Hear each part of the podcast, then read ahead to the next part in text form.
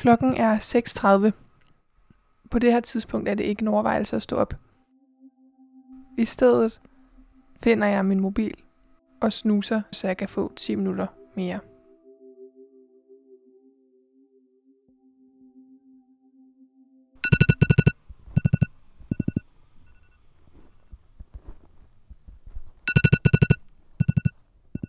Nu er klokken 6.40, og alarmen ringer for anden gang. Det er lidt som om, at det bliver lidt mere alvorligt for hver gang alarmen ringer, fordi jeg ved, at på et tidspunkt, så bliver jeg nødt til at stoppe. Alarmen ringer for tredje gang, nu klokken 6.50. For hver gang min alarm ringer, så er det som om, at intervallet mellem alarmerne bliver mindre og mindre. Klokken er nu 7, og jeg er lige så væk, som jeg var, da klokken var 6.30. Far har været ind og forsøgt at vække mig, så nu er det kun op til mig at komme op. Klokken er nu 10 minutter over syv. For første gang registrerer jeg tiden. Nu bliver jeg snart nødt til at stå op.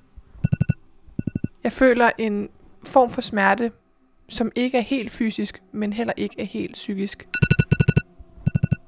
Det føles lidt ligesom, når man har virkelig mange følelser som vrede, eller at man skal græde. Jeg føler lidt, at jeg skal kaste op. Nu er klokken 7.20. Jeg har travlt. Jeg tvinger mig selv til at åbne min mobil for at vække min hjerne. Jeg tænker over de ting, jeg skal nå. Jeg skal have noget tøj på. Jeg skal og jeg skal være ude af døren om et kvarter. Ej. skal jeg lægge noget make op. Virkelig, jeg skal børste til. Jeg er og så skal jeg Træt. pakke min madpakke med stress, som jeg ikke har noget at lave dagen før. Jeg er Jeg tænker på, hvad der er vigtigst. træt. Fuck, hvor er irriterende. Jeg bliver vred. Jeg bliver fucking vred. Mit tøj på. Det er ret vigtigt.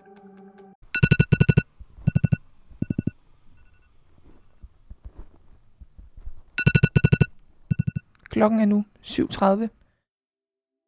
Trætheden og vreden over min alarm bliver nu erstattet med stress. Mit navn er Andrea. Jeg er 18 år gammel, og så har jeg en kronisk sygdom.